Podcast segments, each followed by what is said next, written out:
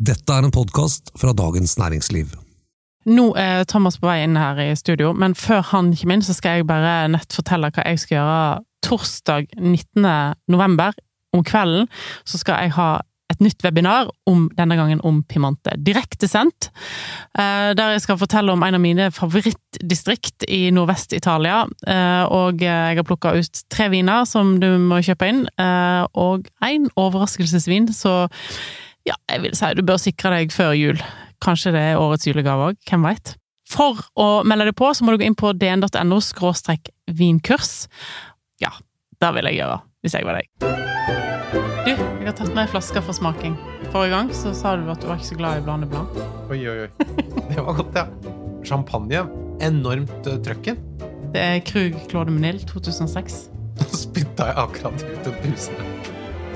Hei og velkommen til vår vinpodkast atter en gang. Vi får masse hyggelige mailer, både fra folk som har vært interessert i vin lenge, og fra folk som plutselig har blitt interessert i vin. Absolutt. Folk er blitt eh, Noen blir veldig eh, entusiastiske, og det syns vi er kjempekjekt. Ok, Og så må jeg si som jeg ofte sier, alle titlene på viner som vi snakker om her, de står i episodeinfoen, så du trenger ikke å sitte med penn og papir. Men det vi tenkte vi rett og slett skulle snakke om i dag, er det å samle på vin. Enten bare lite grann, eller mm. eh, å ha en hel kjeller. Mm. Hvorfor skal man samle på vin? Eh, mange viner trenger masse tid for å bli drikkemodne, da, for å si det sånn. Ja. Nesten all vin som blir solgt på polet, blir solgt når de er superferske. Og så trenger de kanskje 10-15-20 år før de skal drikkes.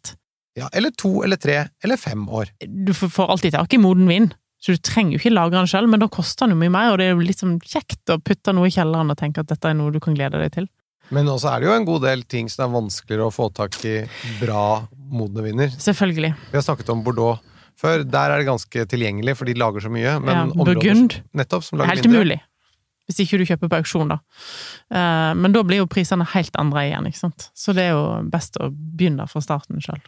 Men hvor mye vin eh, tenker du at man skal ha, da? Eh, når jeg ser folk kjøpe sånne vinskap som er plass til åtte flasker, så tenker jeg nei, nei, nei, det er bare tull. Så når folk spør meg hva vinskap de skal kjøpe seg, så sier jeg kjøp så stort du har plass til eller råd til. Og så trenger en ikke kjøpe et vinskap heller. Jeg har hjemme bare en vanlig bod som jeg har satt inn et kjøleaggregat i, som holder ti grader. Uh, og isolert, selvfølgelig, det som skal isoleres og sånn. Uh, og bygd huller ut av uh, hobbyplate. Men altså, det er et helt vanlig rom, bare? Ja. Så det er, det er jo i kjelleren, da. Ja. Så det er jo et, en, men en bod, en opprinnelig bod i en kjeller, ja. Mm. Men hvis du har en naturlig lav temperatur Før så hadde jeg en naturlig kjeller, og det er helt fantastisk. Men det, det beste lagringstemperaturen er mellom 8 og 12 grader. Hvis du skal lagre over lang tid, ikke gå så mye over 12, er mitt råd. Men hvis du er på besøk hos vinprodusenter nedover i Europa, Mm. så har jo de kjellere som på sommeren er ganske mye varmere enn 12 grader. Jeg er helt enig. Og viner tåler nok mer enn det vi tror, men en del viner tåler ganske lite òg, og det er så skuffende å åpne noe som er blitt for, for gammelt altfor tidlig, da, for å si det sånn. Så det verste en kan gjøre, er i hvert fall å lagre i romtemperatur. Husker du sånn tilbake igjen til 80-tallet, når folk hadde sånn hull i peisen der de lagra vin? Altså, er det mulig, liksom? og så kom 90-tallet, der vi hadde sånne smijerns eh, vinstativ, og gjerne og noen hadde det oppå kjøleskapet, som òg er kanskje den verste plassen å lagre vin. Eh, og så kom vi over sånn kjøkkeninnredning som hadde sånn vinstativ ved siden av kjøkkenvifta. Alltid. Aldri skjønt hvorfor da. Nei, alle steder som er varme, er no go. Eller vibrerende. Et veldig viktig poeng er jo at det at temperaturen ikke svinger så mye. Så hvis du, hvis du har 14 grader stabilt, Ja, så er ikke det så gærent. Nei, selvfølgelig ikke. Jeg tenker, hvis du er så heldig å ha en kjeller, eh, ja, gjør det beste ut av den, liksom. Eh, det er jo kjedelig for alle som bor i en leilighet og sånn, men eh, ofte er kanskje soverommet det kaldeste rommet i leiligheten. Putt flaskene der, eh, og helt til du eksempel ordner deg noe som er kaldere, eller vin, et vinskap, eksempel, eller sånn. Men det er ikke alle som har plass til det heller, så. Ellers så går det sikkert an å se på boden i kjelleren, da, så lenge man låser øh, Bare pass på at ingen ser at det er flasker inne. Jeg har hørt om mange innbrudd i Bodø fordi det er synlige flasker. Det er veldig viktig. Når det gjelder hylleinnredning, har ikke du snakket om noe Ikea-hyller en gang til meg? Eh, Expeditt. eh, sånne eh, helt firkanta hyller fra Ikea. Eh, Du får de i masse forskjellige varianter. De heter sikkert òg noe annet, eh, men Expeditt er i hvert fall den største av de. Eh, De er helt geniale.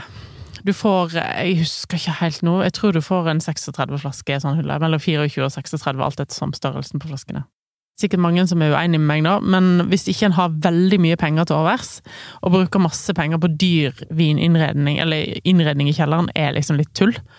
For da kan du bruke på vin i stedet for. Um, sånn der redwood, fin redwood-innredning og sånn er kjempefint, men veldig kostbart. Så jeg ville brukt pengene på hobbyplate av Ikea. Okay, så, og brukt så, penger på vin i stedet for. ok, så det er mange, eh, mange løsninger på hvordan man kan samle på vinen. Det viktige Ja. er å ha stabil temperatur. Helst ikke over 14 grader, ideelt sett på 12. Og så, og så kan man lage hyller og løsninger. Eh, Det kan være enkelt, Mm. og trenger ikke å koste så mye penger. Nei. A lot can happen in three years, like a chatbot may be your new best friend. But what won't change? Needing health insurance. United Healthcare Tri Term Medical Plans, underwritten by Golden Rule Insurance Company, offer flexible, budget friendly coverage that lasts nearly three years in some states. Learn more at uh1.com. Hvor mange flasker tenker du at man bør begynne med, da? Nei, Begynn med mellom 50 og 100. Det kommer litt, an på hvor mye en drikker, normalt sett. Eh, hvis en begynner med 12, så kan det fort bli tomt, og du kanskje eh, drikker opp de vinene du hadde tenkt å lagre lenge. Det er veldig viktig når en bygger seg opp en vinkjeller, at en kjøper noe for lagring, og noe for drikking, som skal drikkes nå. Sånn at du ikke ender opp med å drikke de du skulle spare på i 20 år. Eh, og så, eh, ja, sjøl så kjenner jeg meg rett, så hadde 100 flasker fort dobla seg, da. Men uh, dette er jo veldig individuelt. Men har du 100 flasker i kjelleren, så har du liksom Særlig hvis du har drikk, 100 flasker drikkevin, så har du en hver, hver to i uka, da. Har du jo. Altså, jeg kan bare si Min erfaring er at du trenger mer plass enn du tror du kommer til å trenge. Nei, men jeg skal ikke ha så mye, jeg trenger ikke så mye. Det Den har jeg hørt før. Ja. Jeg kjenner ingen som har, har Jeg sitter her med en altfor stor plass til å lagre vin. Jeg har ikke noe, Nei. det har jeg ikke hørt om. Ikke jeg heller. Men å komme seg til 100 flasker, det kan man gjøre over god tid. Ja, ja, en trenger jo liksom ikke gjøre det på ei uke, men over et år, eller ja, noe sånt. Så bare for å oppsummere, kjelleren trenger ikke å være noe fancy. Du kan lage ekspeditthyller fra Ikea, eller eh, hobbyplater. Eh, Rommet skal være stabil temperatur, det er det aller Mm. viktigste. Å være under 14, men ideelt sett mellom 8 og 12. Mm. Ok, og så vinen, da. Ja, altså, hvis du eksempel bare liker å drikke musserende vin, så ikke kjøp kjelleren full av rødvin. Altså, du må tenke at dette skal du drikke på et eller annet tidspunkt. Du skal liksom ikke gi det vekk, eller ja. Så det jeg har valgt ut, det er tre hvite eller lyse viner, og boblende viner. Eller stiler, da, kan en si. Og tre røde, fordi at eh, da vil en alltid finne noe som, som en liker. Og de fungerer veldig godt til å lagre. Det er sikre ting å lagre. Da har vi tre hvite og tre røde fra klassiske områder, og hvis du har dette her, så er det et sånn bra basisutvalg Mm. som da skal funke til det meste av mat. Ja, og som tåler rundt ti år. Helt topp. Ok, skal vi begynne med det hvite, da? Det jeg har tenkt å velge ut, var uh, tysk Riesling. Som uh, alle nordmenn tror jeg har et uh, forhold til, på godt og vondt. Champagne og chablis. Ja. Tysk Riesling er veldig lagringsdyktig. Det samme er champagne. Nesten all musserende vin tåler utrolig mye lagring. Champagne mest av alt, og blir bare bedre med lagring. Samme med chablis. En skulle tro, altså For mange nordmenn er chablis en sånn sommerlig sak som de drikker med en gang de har kjøpt på polet, men chablis lagrer utrolig godt. Ok, la oss starte med Rieslingen, da. Ja, eh, det er jo selvfølgelig mange produsenter jeg kunne ha nevnt, men en som er en sånn sikker vinner som du kan putte i kjelleren uten å ha dårlig tid i det hele tatt, den kan ligge opptil ti år. Sikkert lenger òg, jeg har ikke testa lenger enn ti år sjøl. Og det er en produsent som heter Klaus Petter Keller. Eh, kanskje han som eh, har de mest ettertrakta tyske rieslingene på markedet for øyeblikket, og da snakker hele verden. Oi. Ehm, og han, ehm, han holder til i Reinhessen, og eh, har stort sett Har av og til søte òg, men stort sett tørre Rieslinger. Han har en standard Riesling som bare heter Riesling Trocken, som koster 200 kroner. Og så har han en som heter Fonda Fels, eh, som er laga av unge vinstokker fra de beste vinmarkene hans. Reinhessen, det er da i Tyskland ligger Eh, Ganske langt sør. Det er det største vinområdet i Tyskland. Men det betyr at de ikke er så syrlige som de som kommer fra nord? Nei, de er ikke så syrlige, men disse er jo begge to helt tørre, eh, og veldig unge. 2019 av gang, så de er nettopp slått på markedet. Så disse kan ligge lett i ti år. Og de blir bedre. De blir bedre. Nå er det jo ekstremt sånn flintsteinete på duft, og nesten litt sånn grønne Granny Smith-eple og lime og veldig syrlige. Når de blir litt modne, så er ikke syren så framtredende, og de blir eh, litt mer sånn moden eple, tropisk frukt eh, på, på duft i stedet for Så, så den modningen skjer på, på flaska. Nettopp. Hvis du kjøper deg en kasse med, med Keller, eh, og der er det tolv flasker, så kan du drikke ei i året i tolv år, så kan du få en opplevelse hvordan disse utvikler seg. da. Det er ganske gøy, da. Mm. Eh, han er jo den som selger den dyreste tørre tyske Rieslingen på markedet, som heter G-Max, som koster mannfoldige tusen. Eh, så når han slipper sine enkleste viner, så kan det jo til 200-300 kroner i Norge, så kan det tenkes at det faktisk øker pris på de tolv årene òg. Så det er en investering. Det var jo en periode jeg følte at alle vinkelnere på restaurant alltid sa hvis det var hvitvin, så var det Riesling. Mm. Det er veldig sånn go to-vin. det er det som er den mest matvennlige vinen vi har. Det passer til kjøtt, og det passer til sterk krydra mat, og det passer til saltmat, røkt mat. Perfekt til sushi, perfekt til feit fisk. Ja. Men du får disse der petroleumspreget som mange Rieslinger har. Nei, altså, når de får litt sånn petroleumspreg litt tidlig, så syns jeg at det er en, ikke en kvalitets...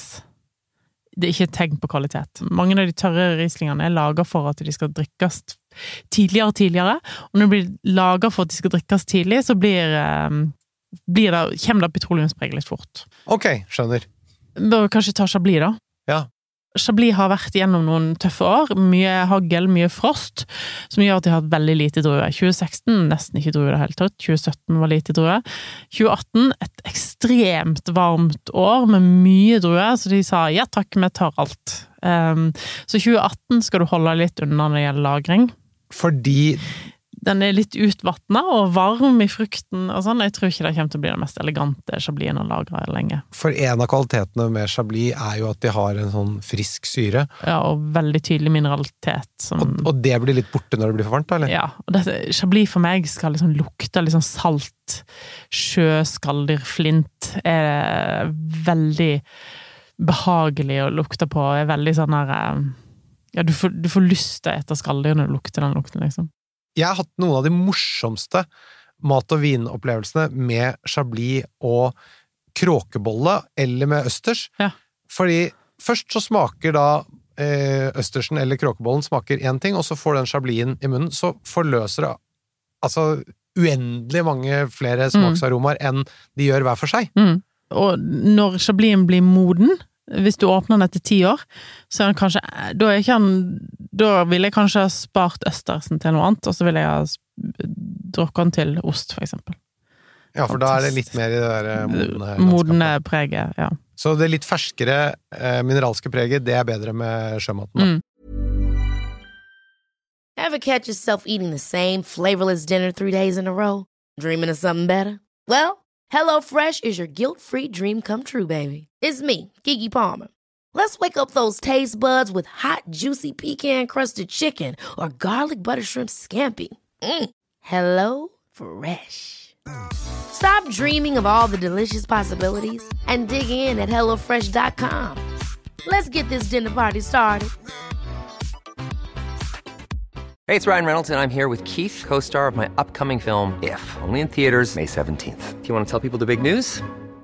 All right, I'll do it. Sign up now and you'll get unlimited for $15 a month and six months of Paramount Plus Essential Plan on us. Mintmobile.com slash switch. Upfront payment of $45 equivalent to $15 per month. Unlimited over 40 gigabytes per month. Face lower speeds. Videos at 480p. Active Mint customers by 531.24 get six months of Paramount Plus Essential Plan. Auto renews after six months. Offer ends May 31st, 2024. Separate Paramount Plus registration required. Terms and conditions apply if rated PG. I'm Sandra, and I'm just the professional your small business was looking for. But you didn't hire me because you didn't use LinkedIn jobs. LinkedIn has professionals you can't find anywhere else, including those who aren't actively looking for a new job but might be open to the perfect role, like me. In a given month, over 70% of LinkedIn users don't visit other leading job sites. So if you're not looking on LinkedIn, you'll miss out on great candidates like Sandra. Start hiring professionals like a professional. Post your free job on linkedin.com/people today. Til slutt så har vi champagne. Ja, altså, jeg må bare si en ting. Du kan lagre all champagne. All champagne, uansett, blir bedre med lagring. Altså både årgangssjampanje og, Og non-vintage. non-vintage. Uten problem. Den billigste champagnen du eier, eh, den billigste musserende vin du eier, kan lagres. Hvis du lagrer den i ti år, blir den bare bedre. Nå- Og når blir den gammel, da? En vanlig, billig non-vintage? Kanskje etter 15-20 år, men før da blir bare bedre. Oi! Så det er ikke noe å bekymre seg for. Nei, du kan gå og kjøpe ei kasse med favorittsjampanjen din. Alle har et hus som de kanskje eh, sverger til eh, og prøver. Og etter fem år så kan du åpne den, så kan du se hva som har skjedd. Blir bare bedre. Jeg hadde en gang en eh, niliter med, fra Bollinger. Standardkuveen til Bollinger hadde jeg i ti år før jeg åpna den. Og når jeg åpna den, altså Problemet var at når den niliteren ble tom på den festen, så hadde jeg bare fersk Bollinger. Og det er jo en god champagne. Problemet var at det, det var jo ikke like godt som den niliteren, for den var jo gammel, mens de andre var ferske. Men du, ni liter champagne, den er ikke så liten, den kjellerboden din. Problemet var at jeg fikk ikke når jeg skulle returnere den, altså den, det er et luksusproblem, et ilandsproblem de luxe. For den, den luka på glasscontaineren tok ikke imot den niliteren flaske champagne. Så du må kjøre på gjenbruken den. Ja! Men du, vi, vi må ha noen produsenter eh, på hvilke Jeg liker veldig godt å lagre champagne som har blitt lagra først på eik. Fordi at de tåler De gir en litt sånn ekstra dimensjon til vinen, og det er jo ikke så mange som gjør det lenger. En produsent som er litt sånn under radaren til de fleste, er Alfred Gratier. Som jeg syns lagrer fantastisk godt, og koster mindre enn det en skulle tro når en smaker den. Eh, Så nå er det en Magnum ute fra 2005, som allerede er blitt 15 år, men som tåler 10-15 år til. Um, og så har de selvfølgelig en standard non-vintage òg. Men du, hvorfor er det bedre å kjøpe magnumflasker? Altså, det er mye større mengde vin i forhold til mengde oksygen som kommer inn gjennom korken, så den lagrer alltid bedre. Så Men Da går utviklingen saktere, da. utviklingen går saktere, ja. Men du nevnte at du likte at det var eh, lagret på eik først. Er det fordi det gir jo en da ekstra eh, Litt mer fylde til champagnen. Og ekstra eh, kompleksitet? Ek- Ekstra kompleksitet, og eh, den blir på en måte en litt sånn rikere i stilen, da, som jeg syns kler champagne veldig godt. Eh, ja. Men kan vi si det sånn at vi får ett instrument til med i orkesteret, som Mm. da skal også være med å utvikle seg? For litt mer bass, liksom. Ja, nettopp. Jeg skjønner. Er det flere produsenter? Charles Heidsek er en favoritt, og eh, som Stadig da tilbakevendende. eh, Stadig tilbakevendende favoritt, som jeg liker veldig godt å putte i kjelleren. Som alltid blir bedre. Bollinger blir alltid bedre. Um, ja, alt blir jo alltid bedre, så det er liksom Du kan nesten kjøpe hva som helst. Ok, det var de hvite vinene. Da må vi over på de røde. Eh, et område som er Som trenger lagring, som må ha lagring, det er Pimonte, Særlig druetypen Nebbiolo. Det har vi snakket om før. Ikke lov å åpne for tidlig. Nei. Ikke lov å åpne en eh, Barolo Barbaresco eller en, uansett Nebbiolo for tidlig, at de tar, de tar, det tar litt tid. Hvorfor det? Nei, de har veldig høyt syrenivå, og de har veldig mye tanniner, og eh, er egentlig ikke særlig godt å drikke ungt, liksom. Altså, men det blir jo veldig godt med litt tid, da. Men det er ubehagelig i munnen. Det er vondt. Og i dag har jeg smakt, eh, hittil i dag, så har jeg sikkert smakt 40 40 Nebbiolo som er unge. I dag? Ja. Men du, du kjenner da etter fremtidige kvaliteter da, i vinen? Ja, ja, ja. Så i dag har jeg smakt noen av de mest legendariske Baroloene som fins. Men de blir jo utsolgt med en gang de blir sluppet. Men en som er tilgjengelig nå, i en fantastisk årgang som heter 2016, er en produsent som heter Giovanni Rosso, og han har en Barolo for Serralonga. Eh, lukter liksom blomstra, nøtter, mandel, kirsebær. Eh, som koster 400 kroner, og det er ganske rimelig for en veldig god Barolo. Men eh, du bør lagre den i sju-åtte år før du drikker den. Og den skal du spise til. Lam. Bare det. Ne, Men det er best, da. Oh, ja. Og sopp. Sopprisotto, lam, Steinsopp. steinsopp, Barolo til eh, hvit pizza med noe sopp. sopp eller uh, trøffelsalami og sånn er også godt, da. Altså, i år, for første gang på mange, mange år Jeg vet jo at du har reist til Pimante en del ganger, så kan ikke jeg reise til Pimante, i hvert fall. Så det er jo litt sånn tragisk. En får ikke den der trøffelopplevelsen som en pleier å ha hver november.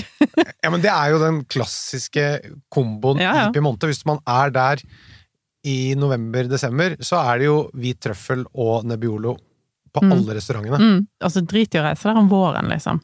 Men reiser i november-desember, så får du hvit trøffel til du nesten blir litt lei. Og så drar du hjem, og så merker du at det hølet på flaskekonteineren er for lite. da er livet ditt enda bedre. Da, da trenger du å få deg et kakk i hodet. Men du, neste rødvinsstil som du har plukket frem? Jeg har jo snakket om den produsenten her før. Jeg nå skal snakke om en annen vin, men jeg er jo veldig glad i Lopez Terredia fra Rioja. Og nå eh, er deres, en av deres toppvinmarker heter Vinja, Vinja Tondonia, og den fins i 2007 eh, på polet nå. 2007 er en bedre årgang enn 2008, og 2008 er på vei inn. Så kjøp 2007 mens det fortsatt er tilgjengelig. En reserve som Eh, kan drikkes nå uten, uten noe problem. Kan ligge i ti år. Men da har vi to vinner til lammet, har vi ikke? Ja, det er jo nett, da. Det har jeg ikke tenkt på. Men du kan kjøre denne til oksa, da, tenker jeg. Denne her? Ja, ja, ja. Ok, da har vi Barolo, og så har vi en Rioja, og siste rødvin som du vil anbefale? Du, det må komme fra USA, og fra California. Okay. Eh, produsenter som Dunn, for eksempel, og Corison og sånn, som lagrer utrolig godt. Dette er jo viner som er litt vanskeligere å få tak i, eh, så her må en jobbe litt mer. Men du, du, har ikke nevnt noen pinot noirer, og du har ikke nevnt Bordeaux? Nei, altså Bordeaux har vi laget en egen podkast om. Eh, og så har eh, Bordeaux finner du ofte veldig mye godt modent. Så jeg tenker at du skal lære deg å kjenne Bordeaux før du begynner å kjøpe masse Bordeaux, for det koster litt penger. Så eh, ja, jeg ville ha venta Jeg ville ikke ha begynt der. Eh, og så Pinot Noir må ikke nødvendigvis lagres hvis ikke du kjøper de helt topp, topp tingene fra Burgund. Og den Det er et komplisert område, så ikke begynn i Burgund. Nei. Det er fort å gå på veldig mange skuffelser der. Jeg vet til og med du har blitt skuffa i Burgund. Mange ganger. Men hva er det du samler mest på, da? Jeg har mye rån. Det er jeg mm. kjempeglad i. Mm. Uh, har vi snakket om før. Litt uh, Toskana, litt uh, Piemonte, uh, litt spanske viner. og så har jeg jo blant annet Riesling. Jeg er også veldig glad i litt sånn um, Grüne Weltlinere fra Østerrike. Mm. Hvis man finner de rette der, så syns jeg det er veldig morsomme viner. Mm. Og så er det jo selvfølgelig Burgund og litt Bordeaux og litt amerikansk. Tror du at det er sånn at Vis meg din vinkjeller, skal jeg si, si, hvem du er? Nei, vis meg Jeg skal vise deg min vinkjeller, og du kan fortelle hvem jeg var. Fordi den smaken endrer seg jo hele tiden, og jeg har jo lyst til å kaste ut så mye fortløpende. Ja. Fordi da jeg tok vinkjelleren, så måtte vi jo liksom engasjere oss i alt. Så da kjøpte jeg jo altfor mye forskjellig, og ikke noe strategi, både hva gjelder områder og produsenter. Eh, og da ender det opp med veldig mange flasker også. Mm. Sånn at uh, min erfaring er at jeg nå etter hvert har begynt å konsentrere meg om litt færre områder, og også litt færre produsenter som jeg liker, og heller kjøpe de i nye årganger, og så se forskjellen på vinene der. For det er ganske stor variasjon også bare på produsentnivå. Selvfølgelig. Uansett hva en skal kjøpe. Produsent er viktigst. Årgang, område eller vinmark er det minst viktige. Dessverre. En ting som er kanskje greit å, å ta opp, det er det, for når du skriver sakene dine i DN, så står det ofte at dette er en eh, vare som fins i tilleggsutvalget eller i eh, bestillingsutvalget eller basis. Kan du bare forklare kort hva alle de begrepene betyr, for jeg skjønner ikke helt hvor de er hen alltid. Altså, basis, det er greit. Basis er det hyllesortimentet til polet. Alle butikker er inndelt i én kategori, fra én til sju. Eh, kategori én-butikk har eh, veldig lite vare, mens en kategori sju-butikk har mest vare. De hvor største mange, polene. Hvor mange syverpol er det i Norge? Nei, jeg tror det er sånn Det er vel spesialpolene, det er vel sju. Og de har eh, mye vare på lager, mens eh, et lite pol på en liten plass har selvfølgelig veldig lite. Eh, så dette er veld, veldig variabelt. Og så har du noe som heter bestillingsutvalg, som er egentlig alt som ligger i nettbutikken til polet Bortsett fra det som er i spesialbestilling. På spesialbutikk. Eh, Dette er ganske kompliserte greier, og det er ikke, det, til og med for meg som jobber med det daglig, så er dette ganske vanskelig av og til å skjønne hva som er hvor hen og sånn. Hvis du ser at det ting ikke står, det står at det ikke kan bestilles, men kun kjøpes på den butikken der ting er tilgjengelig, så er det ofte et spesialprodukt, altså et spesialpolprodukt. Eh, For de sender ikke fra butikk til butikk innbyrdes. Ok, Men hva er tilleggsutvalget? Tilleggsutvalget er et sånn merkelig system som eh, der alle importørene, hvis de Det koster mye mindre å lansere ting der. Det vises ingenting, ingen plass, før eventuelt noen skriver om det, sånn som meg, eller eh, en butikk har tatt inn eh, produktet. Da vil det vises på Vinmonopolet sin nettbutikk, eh, og så må du gå fysisk på den butikken og kjøpe det. Eller hvis jeg har skrevet om det, og du ser at dette er en vin jeg har lyst på, så kan du ringe til kunde, kundekontoret til Vinmonopolet, eller gå inn på ditt lokale pol og si 'jeg skal ha den vinen'. Da må du bestille den fysisk der. Eh, og da må du av og til For da er det ofte en sånn begrensa mengde flasker. Du får kanskje Du må kanskje bestille seks eller tolv eller to, eller Ja, da kan du ikke alltid bestille bare ei flaske. Hvis noen fra Vinmonopolet hører på dette her nå, ta og spill av den forklaringen til Merete for noen som ikke er sånn veldig bevandret i vin, og hør om de kan gjengi, gi dem en lekseprøve etterpå. Hvis de ikke består den lekseprøven, kan dere gjøre noe med systemet. Det kan bli litt bedre. Det, det kan bli mye lettere. Definitivt. Og så er det den gjeveste kategorien er jo da spesialbestilling, må du, da må du ha kontakt med importøren direkte, og så får du ut flasken igjen av polet. Ok, så basis, det er det som er i hyllene. Mm. Så har du bestillingsutvalget, Som du kan kjøpe via appen på polet. og den fins alltid. Alt som er i bestillingsutvalget, fins der. Ja. Ok? Og så tilleggsutvalget. Det er det som er meldt inn, som går an å kjøpe, men som ikke syns i appen, og som ikke står i butikken, men som bare fins der. Eh, Det kan stå i noen butikker, for det hender at noen butikker kjøper det inn til seg. Da fins det i appen. og da syns det. Ja. Så det, det tilleggsutvalget, det både syns og ikke syns, Ja. avhengig av om noen butikker har valgt å ta det inn, men det er tilgjengelig hos importørene. Ja. Men det er ofte flasker som det fins veldig lite av og sånn. Så ja. Ok, jeg skjønner. Og spesialbestilling, da må du ha vært i direkte kontakt med importøren. Ja. Så det, det er ikke noe som folk flest kan kjøpe, Nei. egentlig, i det hele tatt. Og så er det spesialpol da i tillegg. Så det er seks nyhetslanseringer i året på polet, eh, og det er ca. seks nyhetslanseringer i året på spesialpol. Som er egne lanseringer på Ja. spesialpolene. Ja. Ok. Ja, men greit. Og så kan du selvfølgelig kjøpe vin i utlandet og så fortolle det inn sjøl. Nå tar vi en ukes Eh, pause. Og fortsett å sende oss mailer til vin.dn.no. Vi høres igjen om en uke.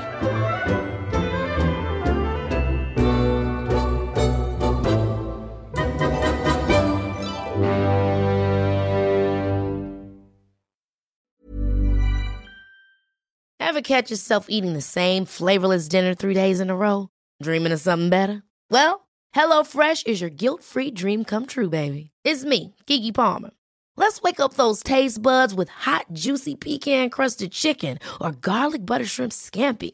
Mm. Hello Fresh. Stop dreaming of all the delicious possibilities and dig in at HelloFresh.com. Let's get this dinner party started.